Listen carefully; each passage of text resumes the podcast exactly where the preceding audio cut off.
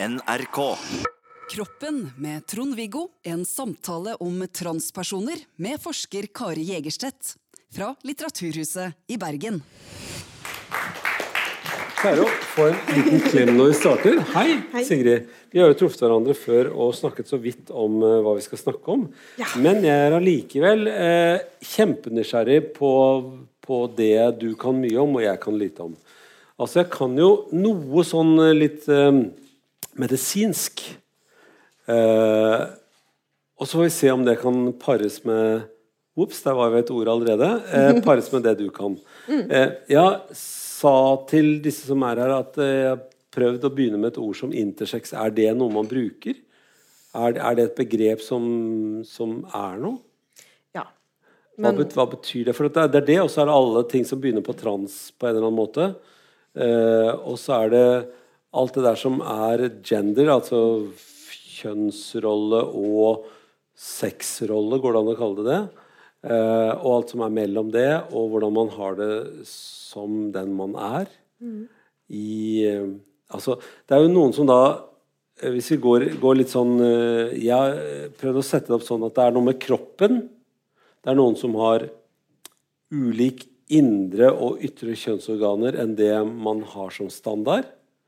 Og så er det noen som har kjønnskromosomer som er annerledes enn det som er standard, koblingen. Og så er det noen som føler at de har motsatt kjønn enn det de har biologisk. Og så er det noen som har identitet i begge kjønn. Har jeg da eh, posen full av det vi skal snakke om omtrent? Ja, og så kan man fylle på enda litt mer. Oi, oi, oi! oi, oi. Det ble, hva, og oppi posen kaster vi to ting til, frue? Ja, vi kan Som også du sier, de som selger kniver og sånt, nå mener jeg? Nei, men vi kan også kaste opp de som tenker at de ikke har et kjønn, Ja. eller noe kjønn. Ja. Eh, og de som tenker at man er en sånn fin mellomting. Eh, mellom det ene og det andre. Som, Mellom kjønn. Ja. Som er Kan vi gå litt sånn eh, dissekerende til verks her? Eh, hvis vi tar de som har en kropp som er veldig tydelig kjønnet. Altså de har ytre og indre Eller i hvert fall ytre kjønnsorganer som de kan kjennetegne seg ved. Og så har de en andre kjennetegn. De har f.eks. bryster eller ikke bryster, og de har eh, hår på kroppen eller ikke hår på kroppen på steder som menn eller kvinner har. Og nå, allerede nå merker jeg nå, nå blir det litt sånn vagt allerede her. Fordi at jeg føler jo at jeg har fått en kropp som kunne tilhørt en mann, og jeg føler meg som en mann. Så jeg har jo ikke noe av, av det utgangspunktet. Men om jeg føler at jeg har den kroppen jeg burde hatt, det er jo noe helt annet. Det er noen som sier de er litt sånn ukomfortable med kroppen sin. Eh, og det kan jeg jo skjønne. Det har jeg jo hatt masse pasienter som har.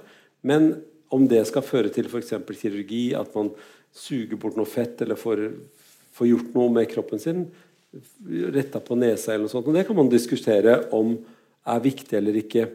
Men så kommer vi til kjønnsorganet, og da blir det plutselig kjempemye viktigere. Jeg kjenner ikke mange som har en annen kropp enn det de føler seg som. Men hva er det som, hva er det som kjennetegner disse menneskene, vil du si? Det som, hvis vi skal begynne med en merkelapp, da Ja. eh, som Hvilken vil eh, du ta da? Da vil jeg begynne med transpersoner. Mhm. eh, som Hva kaller du transpersoner?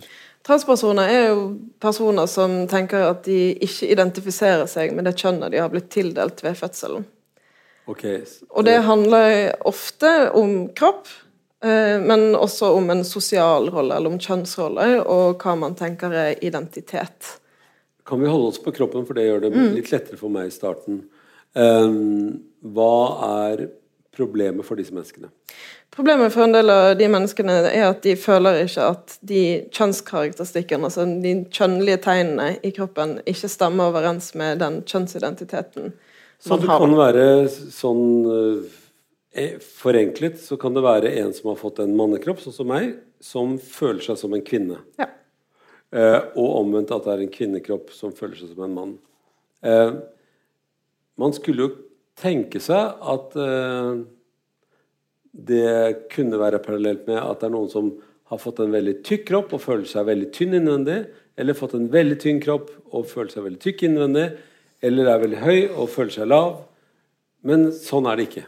Nei, for det kan på en måte ikke helt sammenlignes. Eh, det å på en måte ikke helt føle seg som hva man faktisk er, på andre ting enn kjønn. Eh, fordi kjønn er så viktig i samfunnet vårt, og vi definerer alle mennesker inn i enten én en av to kategorier. I Norge så er det ikke juridisk sett mulig å være noe annet enn enten mann eller kvinne. Eh, og vi lever i et samfunn som kjønner oss så veldig. altså Vi blir liksom hele tida minnet på hva merkelapp eh, vi har, hva stempel som er i passet. Eh, sånn man kler inn små barn i enten et lyserosa eller et lyseblått teppe, og man har kjønnsdelte garderober, og til og med i voksen alder så finner jeg at eh, hva kjønnsorgan du har, eller hva kjønn du har, bestemmer til og med hva farge du har på tannkosten. Selv som voksen så velger man mm. eh, en svart eller blå tannbørste hvis du definerer deg som mann, og så kan man velge de rosa og fine blomstrete tannkostene for Jordan hvis du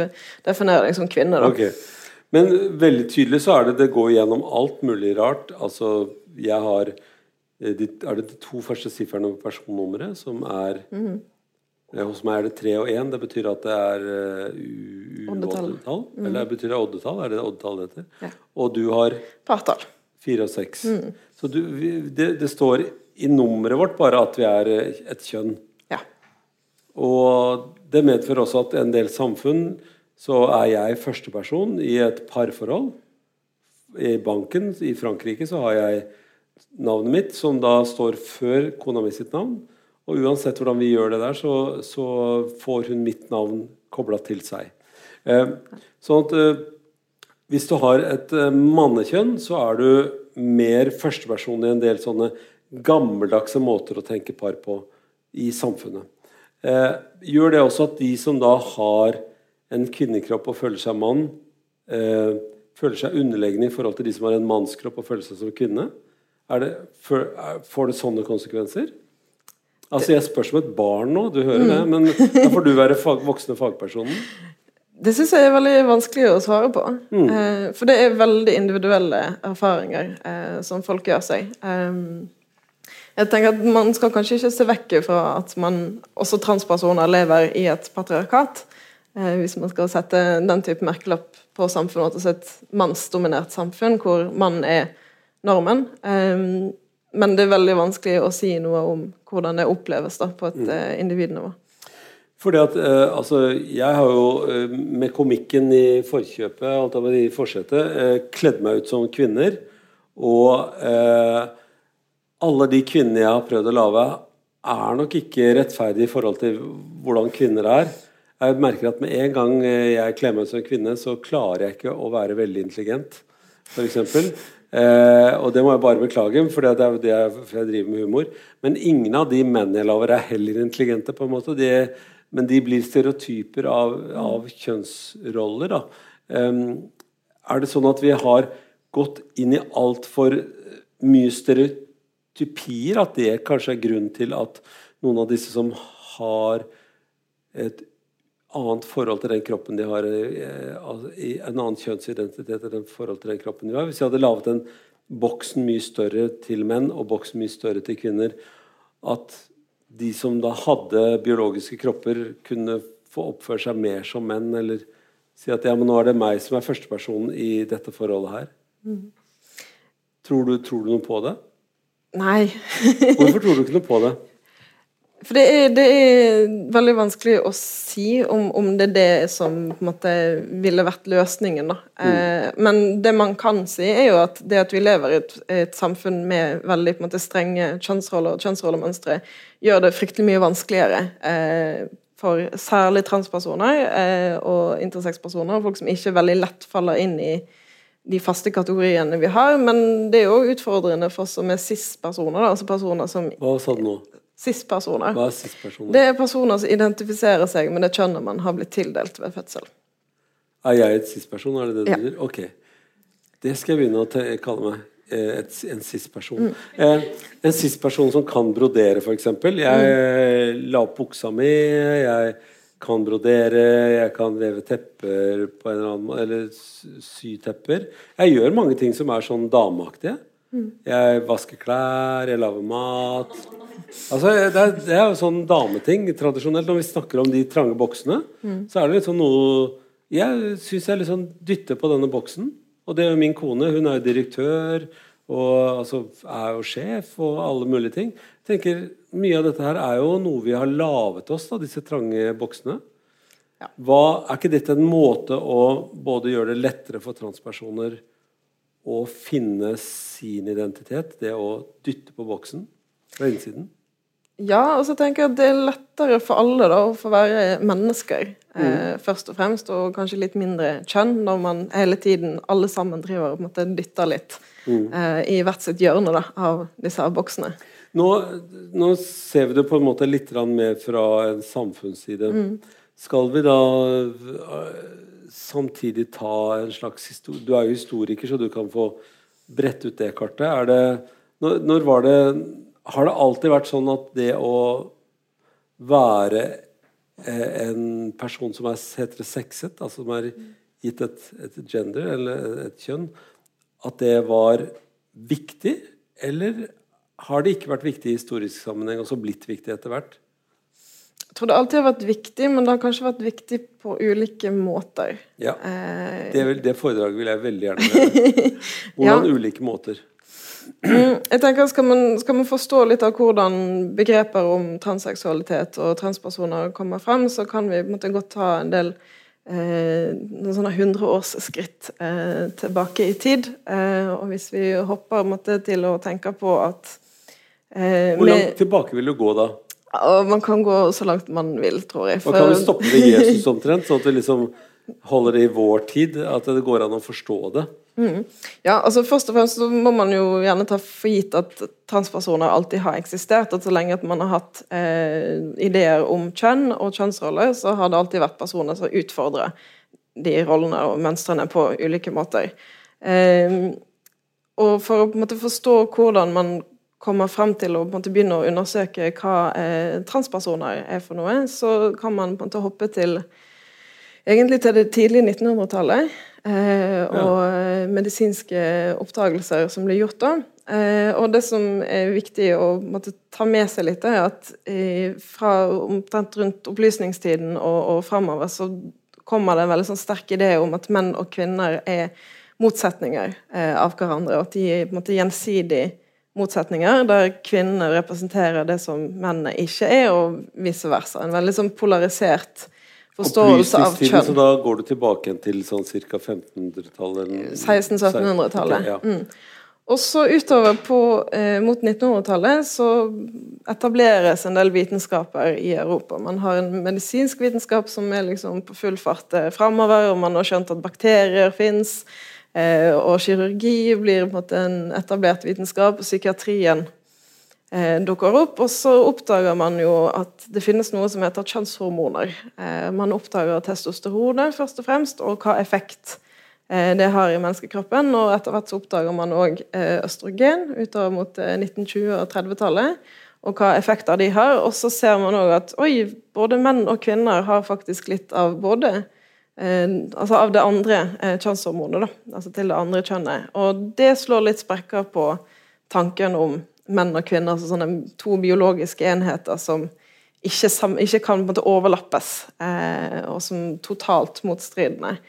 Eh, og der dukker på en måte opp tanken eh, at eh, kanskje man har litt av begge deler i seg, og kanskje er ikke kjønn så strenge to bokser, da.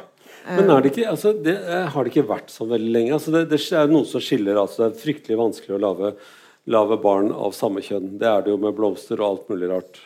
Eh, det er vel bare reken som skifter kjønn i løpet av livet sitt. Men det er noen andre dyr som gjør det også. Eh, så det er jo liksom Der er det først nå i den senere tiden når man har funnet at noe kan gjøres i reagensrør, og så kan man gjøre resten i en kropp. Mm. Eh, før i tiden så var jo akkurat det med å få barn var én ting.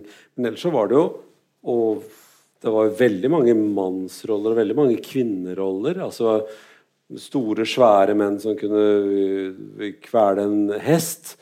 Og så var det små pingler som, øh, som ikke kunne det. Jeg tilhører vel pinglegjengen på en eller annen måte. Eh, jeg er ikke så glad i å slåss, men det, jo, det ligger til mannsrollen å være glad i å slåss da, på en eller annen måte. Eh, eh, så på en eller annen måte så fins det vel også veldig mange manneidentifisering, hvis man vil gå den veien med kjønnet sitt.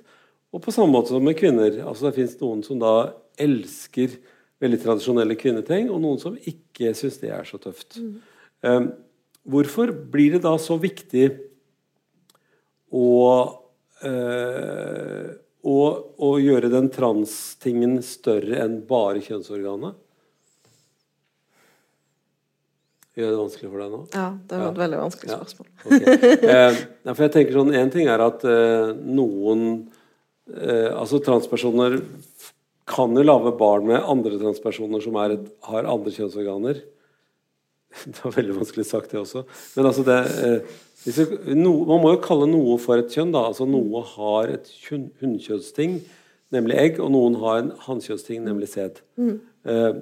Og det kunne man jo tenke at det er jo ikke noe problem å bare finne en annen transperson som, som har den motsatte følelsen, på en måte. Mm. Som er en mann i en kvinnekropp istedenfor en kvinne i en mannskropp. Så kunne man jo få barn, så ble det et helt par. Eh, hvorfor er ikke det en eh, vei å gå? Det tenker jeg absolutt er en vei. For litt av måte, problematikken som, som, oppstår rundt det her, er at man, man knytter det å måte, ha en penis utelukkende til å være mann. Eh, å ha mannlige egenskaper og til en mannlig kjønnsrolle. Altså, vi, vi, knytter veldig sterkt kroppen til en sosial forventning.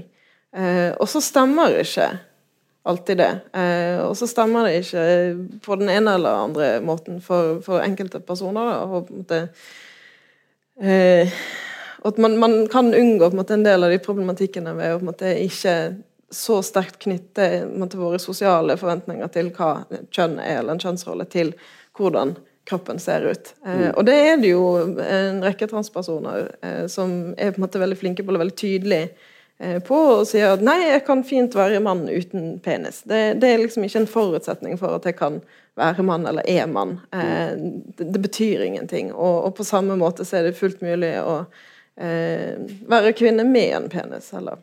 Så hvis jeg følte meg som en kvinne innvendig, så kunne jeg likevel se ut sånn som jeg gjør? Det er jo et individuelt valg. Ja, Og kunne vært en kvinne som gjorde det jeg kunne for å se ut som en kvinne? og, og, vært tilfreds med det. Eller jeg kunne vært en kvinne som ser ut som en mann, og vært kvinne innvendig. Ja.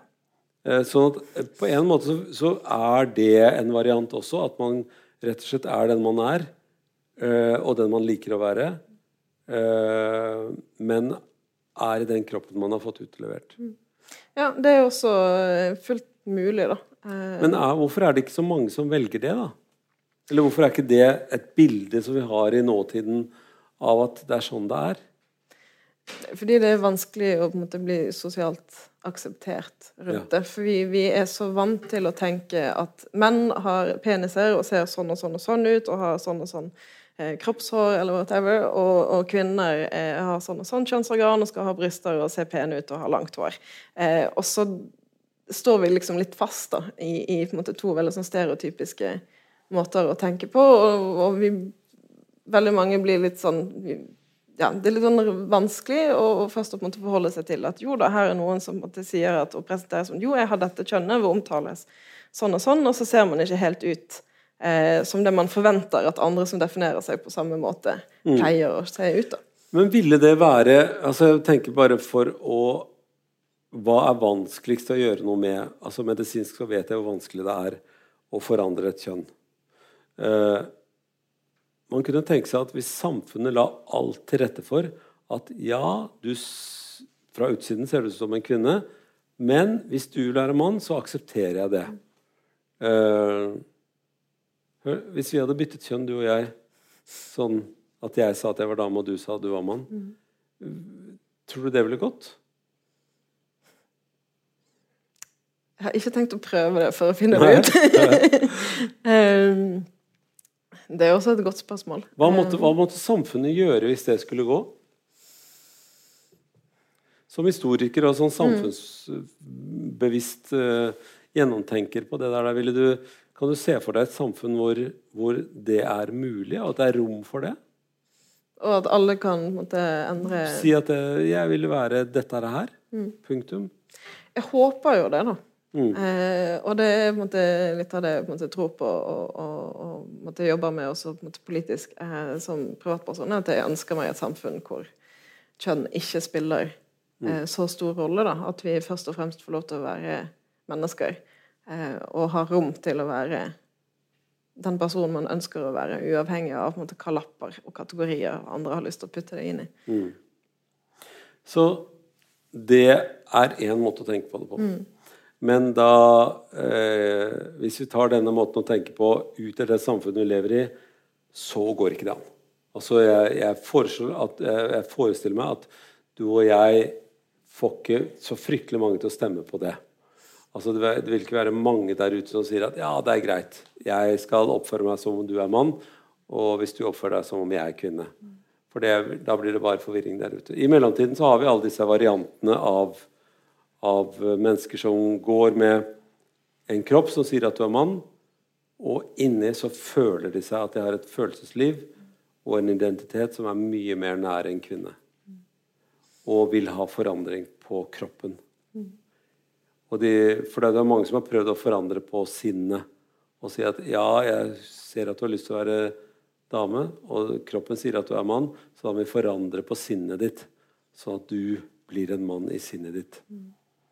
Og så sier da eh, personen nei, det går ikke an. Det er det vanskeligste. Ja, og det har jo man òg vist eh, historisk og i den medisinske forskningen at det er det vanskeligste. Eh, og når man først begynte å skille eh, transseksuelle ut fra det som man kaller transvestitter, så Hva kaller du transvestitter, bare så vi har Ja. med oss definisjonen her? Transvestitter er personer som liker å kle seg opp og opptre eh, periodevis i en annen kjønnsrolle eh, Ja. enn hva man er blitt tildelt ved fødsel. Men det må være mer enn sånn som jeg har kledd meg ut i sketsjer. da. Det må være fordi du har lyst og liker det, Ja. og har en, en type glede av det som er dypere. Ja, og at man føler at det er en del av sin identitet. Ja. At innimellom så vil det være et annet kjønn. Mm. Eh, de fleste av oss kjenner gjerne til Espen Ester Pirelli Benstad, som jo vil definere seg som transvestitt. Mm. Eh, og, og det Noen gjør det veldig ofte, og er det andre kjønnet, og noen går liksom dag til dag, eller går i perioder. Det er, det er en individuell ting. Eh, og når man først begynte å, å medisinsk studere eh, transvestitter, så kom jo eh, de fram til at oi, her har vi noen av disse her som Og da var det jo stort sett snakk om menn som kledde seg som kvinner, eh, som det var flest av. Eh, noen av de Som var var det som det det var flest av. Og flest, ja. Mm. Eh, så skjønte man at oi, noen av disse her de vil ikke bare kle seg som og framstå innimellom som kvinner, men de mener fullt eh, og helt at de er kvinner. Det er bare kroppen som ikke stemmer. Eh, og ut ifra det så lagde man en distinksjon mellom transvestitter og genuine transvestitter, som utover på 50-tallet ble omdøpt til transseksuelle. Ok. Så en transseksuell som da Hvis jeg hadde gått rundt og kjent at jeg var en kvinne, og hadde denne mannskroppen, så ville jeg lengte etter å få en kvinnekropp. Og jeg, det var ikke nok at jeg kledde meg ut i kvinneklær, for jeg ble lei meg for at jeg ikke kunne være fullstendig kvinne hele tiden. Okay. Eh, og de som da har det behovet, de, eh, de kan få hjelp til å komme nærmere det målet. Eh, i, med, med medisiner og ved hjelp av noe annet. Ja, og ved kirurgi. Ja. Ja. Ja, det, ja, ok.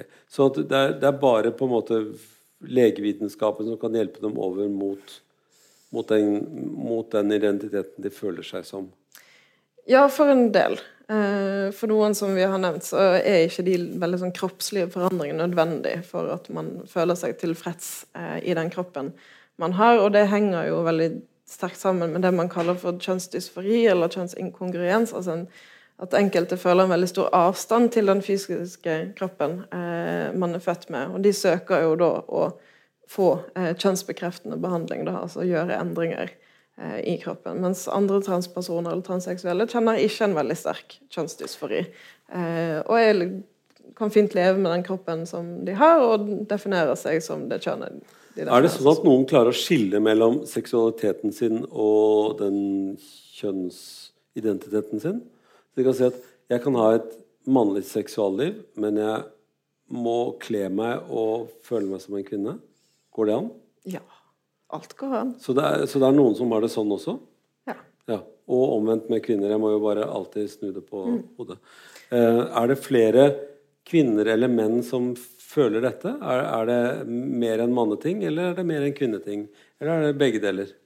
Statistikkene er jo der i forhold til de som søker kjønnsbekreftende behandling eh, og endring av juridisk kjønn, og som man kan liksom putte i den transseksuelle boksen, så er det flest eh, menn til kvinnepasienter enn kvinner til mann. Menn som vil bli kvinner? Ja.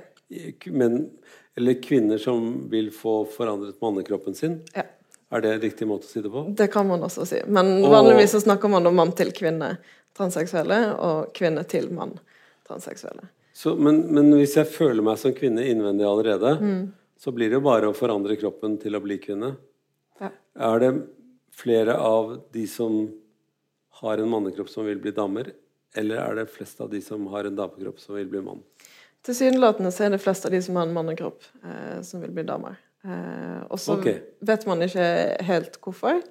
Eh, og så snakker man i Norge litt nå om at det er plutselig en veldig stor økning blant veldig unge mennesker om da er kvinner som vil bli menn. Og så vet man ikke helt Men eh, har jeg helt feil når jeg sier at jeg tror det er flere menn eller flere kvinner i samfunnet som vil ha mer av mannens rolle?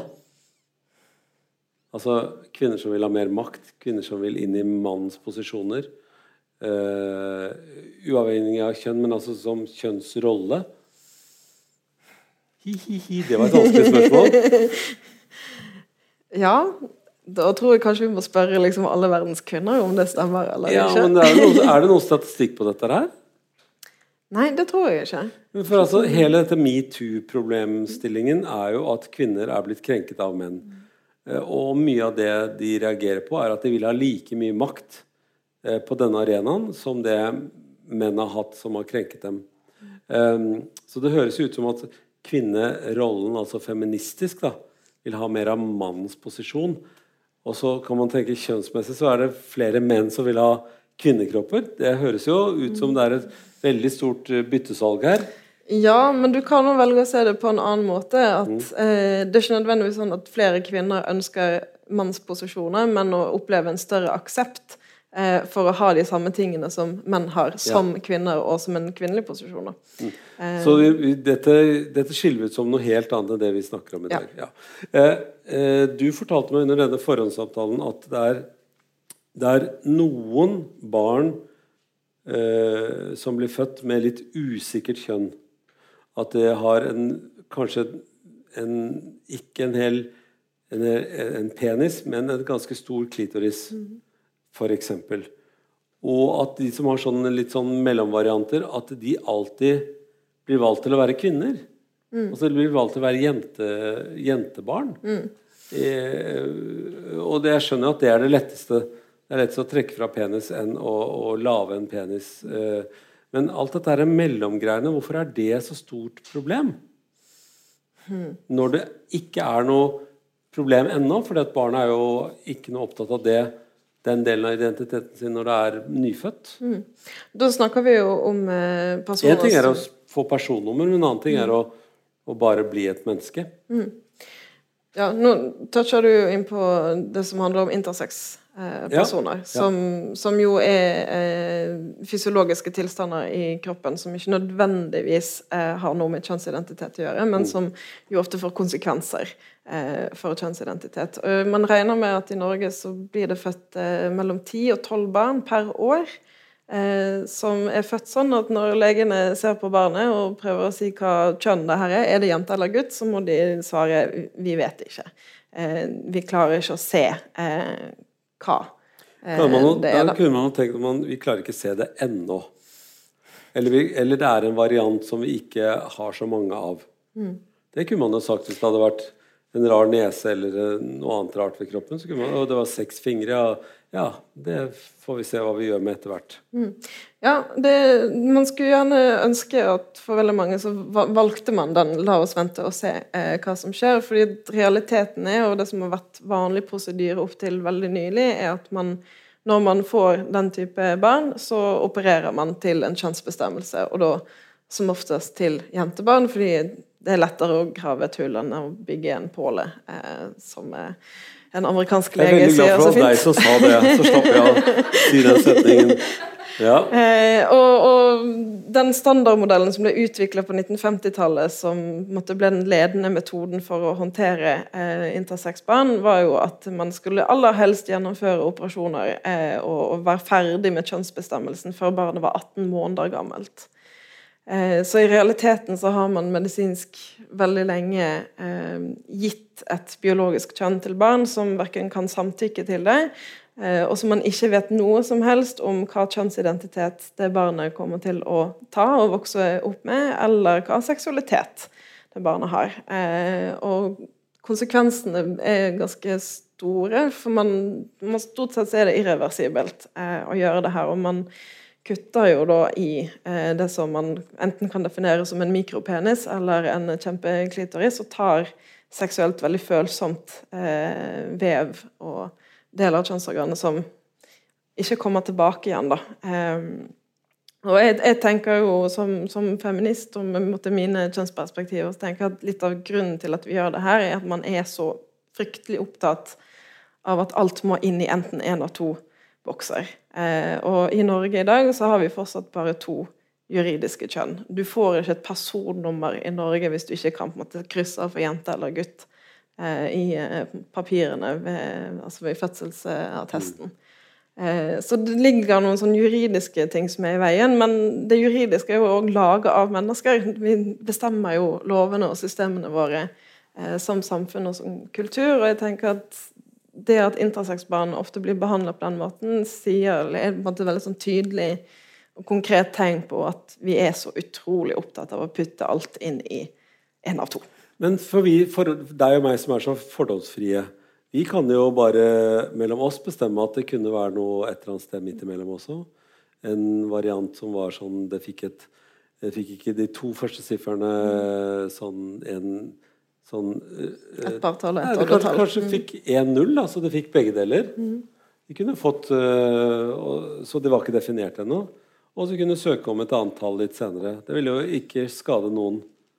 Uh, og mor og far ville kanskje kunne leve med det en stund, inntil de fikk en slags følelse av dette her må vi jo klare.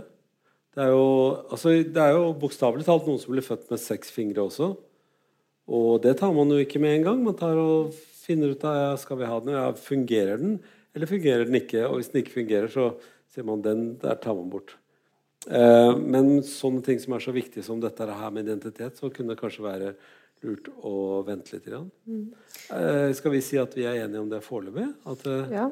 Men så tenker jeg at det er viktig å nevne da, at det er utrolig krevende å skulle oppdra og vokse opp med et barn som man ikke har et kjønn på. fordi hva kjønn du har, har så utrolig mange konsekvenser. Jeg tror de færreste av oss hadde denne begge kjønn barnebursdag før man kom opp i type ungdomsskolealder, og det var plutselig litt spennende med gutter eller spennende med jenter. Altså, man, man kjønner liksom barneselskaper og tannbørster og skolesekker Men det finnes jo flere, flere, ting enn en blått og rødt tøy. Mm. Det finnes jo gult og grønt, f.eks. Man, man, man kan jo bare rote opp i det der, der og si at det tar, forhold, det tar, vi stilling til senere? Ja, men det er stadig mindre av det. Ok, Så du er en av de som vil kjønnsoperere nyfødte barn? Nei. Ok.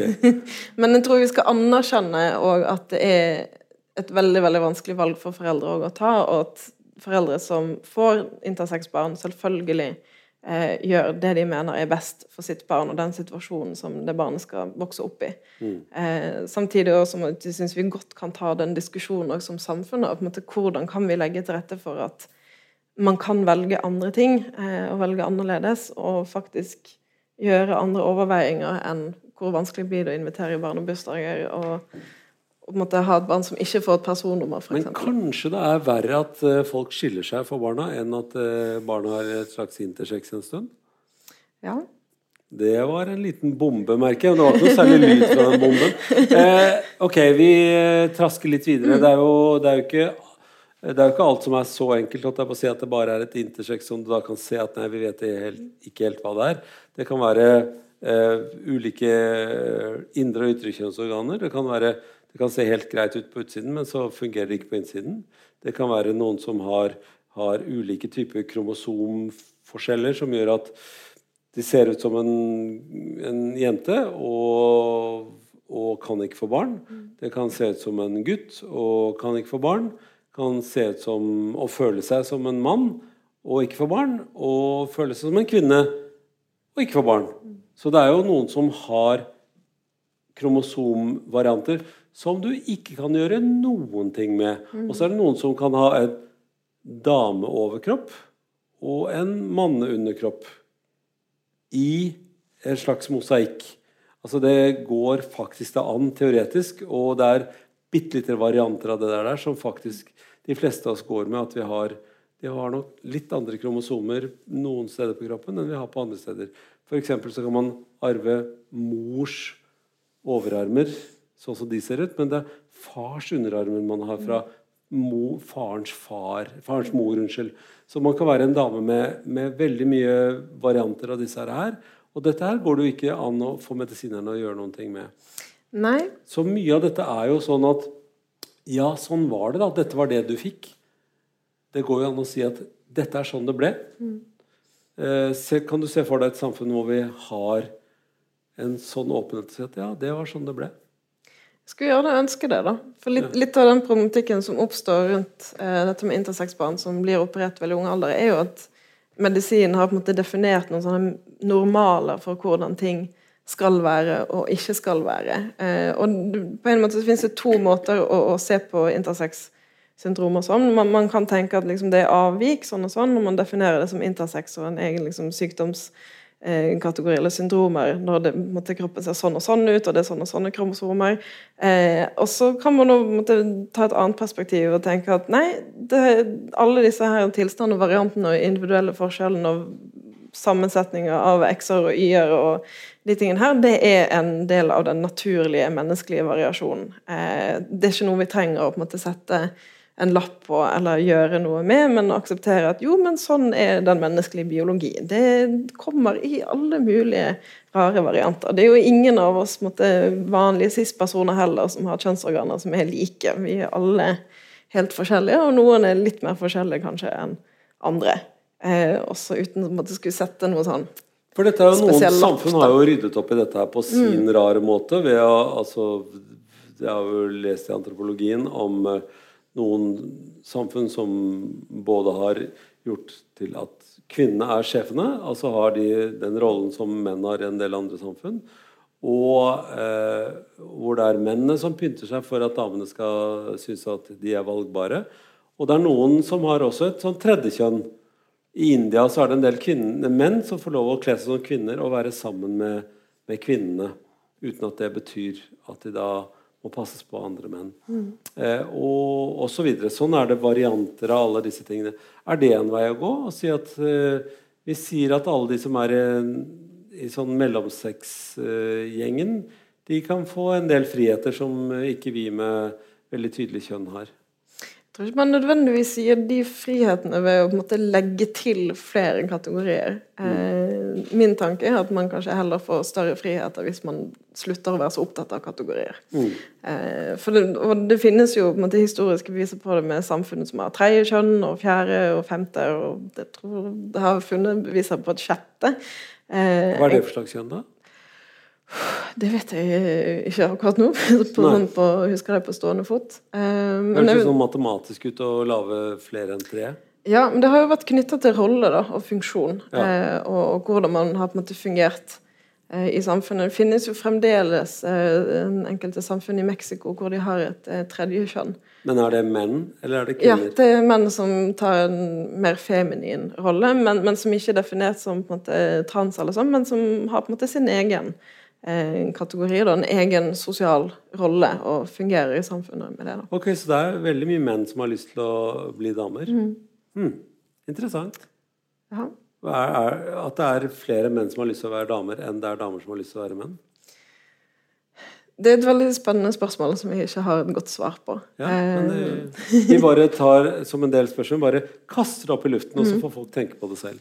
Eh, det vi kan gjøre noe med, er jo den, der, den varianten som du sier, at vi gjør boksene større, eller gjør bare individet viktigere enn kjønnet.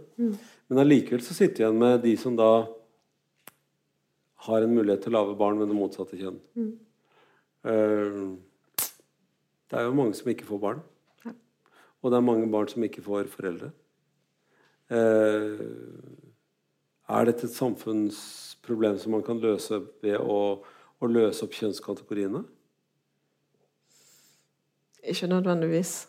Um, men jeg tror kanskje man kan komme til et sted hvor man forholder seg til andre mennesker som uh, At man av, etter å bli kjent med hverandre finner ut at her har man måte varianter hvor man kunne fått barn sammen eller ikke. Og som, ehm, men det, tror jeg er en avsporing òg, det spørsmålet.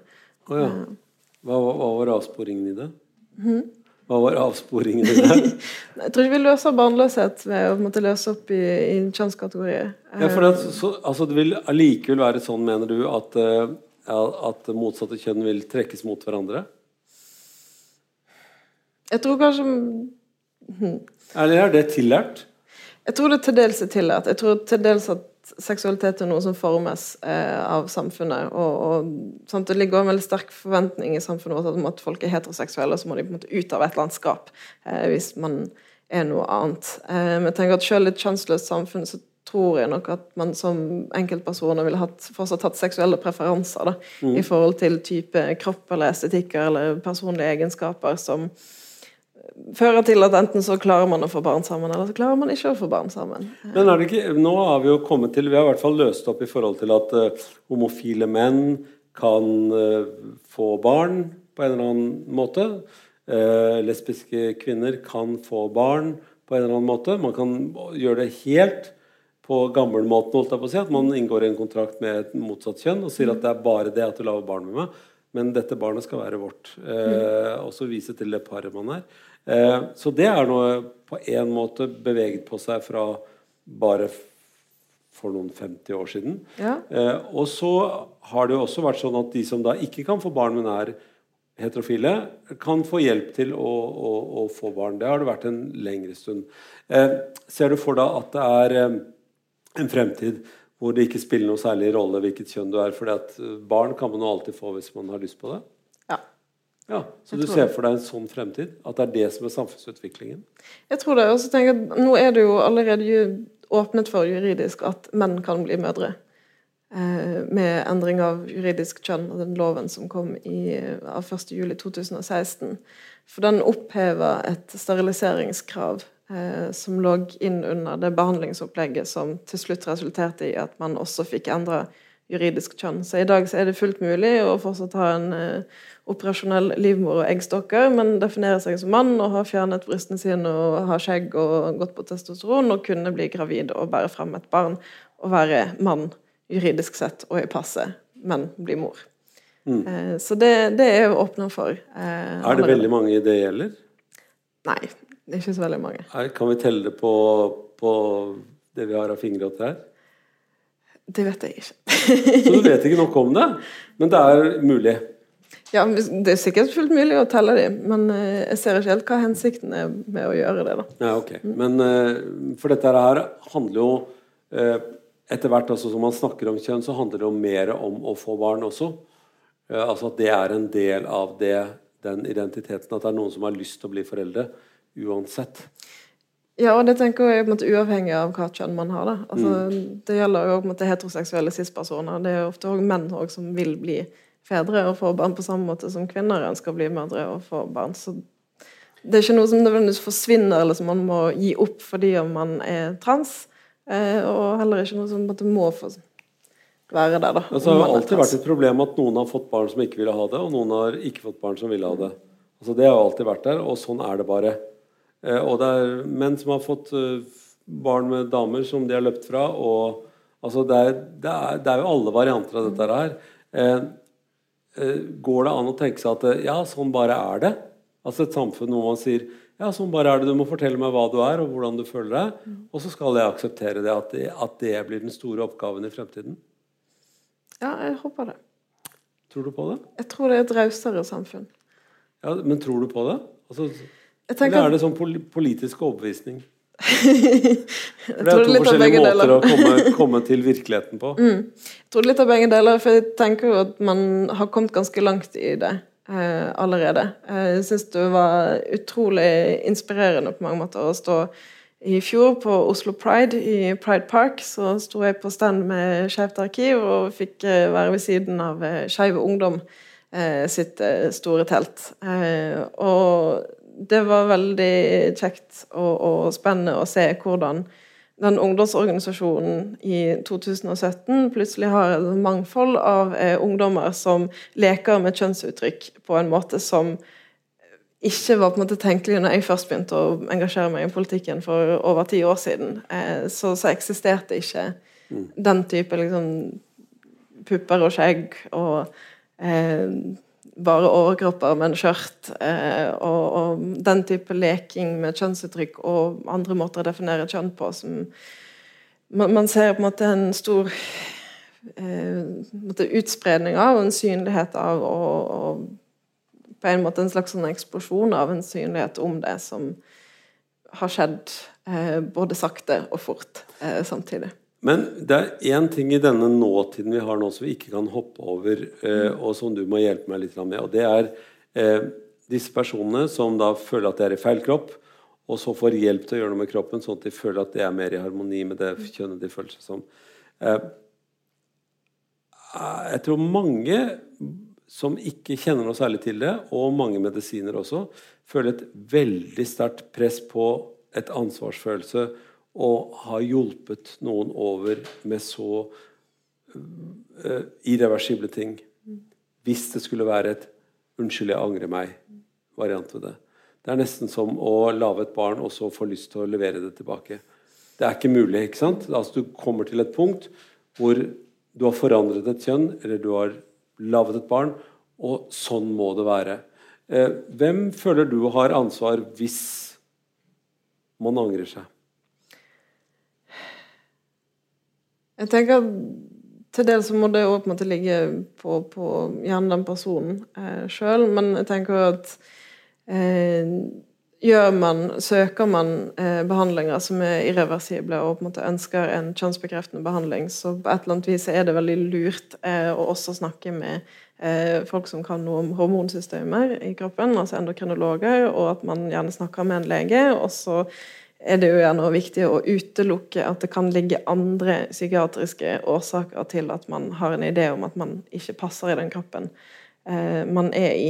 Eh, og så skal det jo sies det er få som på en måte angrer eh, og velger å gå tilbake. Og på en måte med den, det systemet vi har for behandling i dag, så ligger det veldig strenge kriterier og veldig grundig utgreiing for at man er veldig, veldig sikker eh, om på at det her er det som er riktig for den personen. Mm.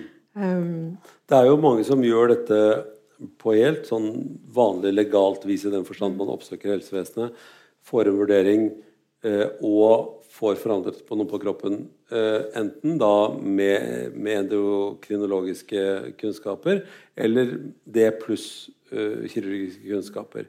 Men så er det noen som da også gjør i hvert fall dette pille eh, pilledelen av det, eller eh, den medisinske delen av det som har med medisiner å gjøre, til, de gjør det i en slags undergrunnssted. For de får ikke, de får ikke eller har ikke råd til eh, på en eller annen måte. Det kan være mange barrierer. Eh, men altså begynne med denne behandlingen selv. Mm. Eh, er det, er det si, like mange lykkelige mennesker i begge disse to leirene her, som tar dette i skjeen i egen hånd på en måte og gjør det et annet sted?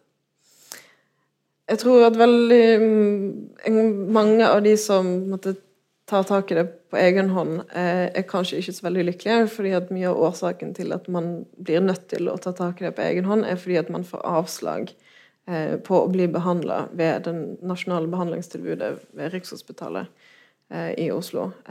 Og det tilbudet som er der, får jo veldig mye kritikk i disse dager, særlig. Nå har debatten blussa opp igjen. Eh, på at de har en rekke kriterier for eh, diagnose, og du er nødt til å ha diagnosen transseksualisme for å på en måte komme i gang med en behandlingsopplegg. Og i de kriteriene så ligger det ganske gammeldagse eller konservative eh, tolkninger av kjønnsrollemønstre og forventninger til hvordan du skal oppleve den kjønnsidentiteten du har, og hva det skal innebære. Som fører til at mange får avslag og blir sendt vekk i døra. Og der er det jo en del som tar tak i ting på egen hånd. Enten treffer andre leger i Norge som behandler som privat på legekontor, og enkelte og plastiske kirurger som eh, tilbyr eh, kirurgi, men da må man punge ut av eiendommer. Eh, eventuelt så er det òg de som reiser til utlandet og gjør operasjoner i f.eks. Thailand. som er et, jeg tror det, De fleste vil nok med, med hodet sitt si at ja, men det får nå heller være sånn. Men blir de lykkelige, så er jo det et, et slags kriterium for at ja, men det var det riktige. Mm. Men hvis de blir ulykkelige av dette her og angrer seg på en eller annen måte fordi de ikke Det, det var ikke sånn jeg hadde tenkt meg det. Um, så er jo det ganske fatalt, da. Ja, det kan det nok være. Uh, men så er det òg veldig få Mm. Eh, av dem. Og, og, det er jo en, av de tingene som man alltid har eh, skjønt eh, innenfor medisinen når det kommer til eh, transseksuelle transpersoner, er at livskvaliteten blir så utrolig mye bedre hvis man får uttrykke seg som det kjønnet man er, da, eh, og at man får hjelp til å leve eh, som det kjønnet man, man er. Det, det, har man alltid visst, og det er på en måte den argumentasjonen som ligger til grunn som jeg har funnet i mitt masterprosjekt for at man i hele tatt setter i gang en behandling i det norske helsevesenet, er at jo, men når psykokirurgien ikke løser eh, de tankene man har om at kroppen er feil, og man har en annen kjønnsidentitet enn man er tildelt ved fødselen, så hjelper den medisinske behandlingen. Man opplever en større livskvalitet, og selvmordsratene går ned, og det er mindre sjanse for at man forsøker å gjøre operasjoner på seg sjøl, som dessverre på 50- og 60-tallet var litt for vanlig.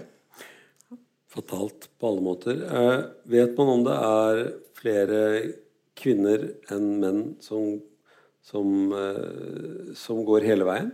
Altså som går hele veien for å forandre kroppen sin til å bli nærmere den identiteten man har? Ja, det er fortsatt litt flere mann til kvinne mm. eh, transseksuelle enn en kvinne, kvinne til mann. Ja. Ja, det er jo utrolig komplisert kirurgisk, vet jeg i hvert fall. Men uh, det må jo være mye vanskeligere å være inni en, inni en sånn person som ikke syns at det harmonerer helt. Mm. Uh, uh, og går det an å helt til slutt si noen ting om vi andre, som da føler at vi er sånn noenlunde i den kroppen vi da har fått tilført, og syns at det er greit nok? Er det, er det sånn at vi kan gjøre noen ting for at det blir lettere for de som er transpersoner? Ja, et... Vi snakket om å gi, gi oss selv og hverandre mm. en større plass innenfor kjønnsidentiteten. Men er, går det an å, å gjøre noe si, i kontakt med disse menneskene samfunnsmessig? Skal vi, skal vi, gjøre noe, vi andre som er i samfunn med disse som, som har, har, vanskeligheter med å, å være i den kroppen de har fått? Tenker det først og fremst er viktig å møte andre som mennesker. Eh, og, og måtte akseptere at folk bruk, har det navnet de har, eh, og bruker de pronomene eh, de bruker, og at man kan utfordre seg sjøl litt som cis-person til å ikke synes skvette når man ser noe som ikke stemmer helt med de ideene man vanligvis har om kjønn. Og så tenker jeg at det å lytte til transpersoner eh, og folk som ikke passer i kategorien, er utrolig viktig.